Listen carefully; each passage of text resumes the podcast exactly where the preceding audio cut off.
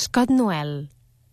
Els nens sovint reflecteixen les ombres dels seus pares de manera exagerada o peculiar.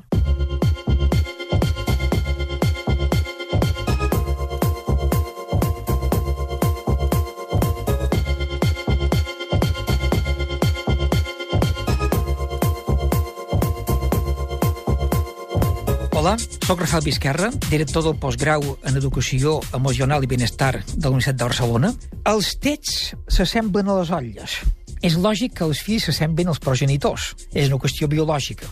Però no parlem només d'això, sinó de com el comportament dels pares és el model més important pels fills. Els nens i nenes observen què fan els pares, a vegades inconscientment, i incorporen el seu comportament reproduint-lo també inconscientment en les situacions habituals de la vida. Tot això malgrat els enfrontaments i conflictes propis entre pares i fills, sobretot en l'adolescència.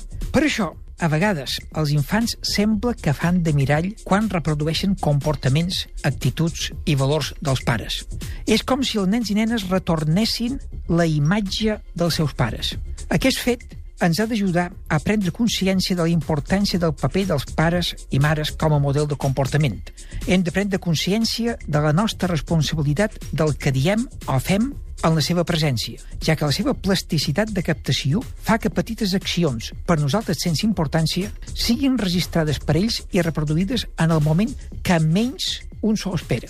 Això és particularment important durant els set primers anys de vida.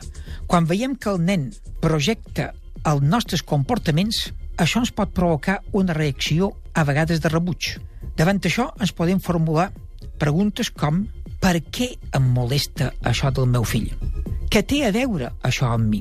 Tal vegada el comportament del fill faci referència a allò que no m'agrada de mi, encara que no en sigui conscient.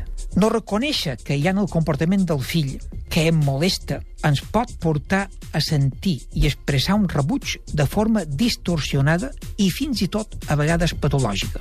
Ens pot ajudar a comprendre tot això, fer un exercici d'empatia i posar-nos en la pell del fill respecte als seus pares. És a dir, analitzar quins comportaments tinc jo que reprodueixen els dels meus pares.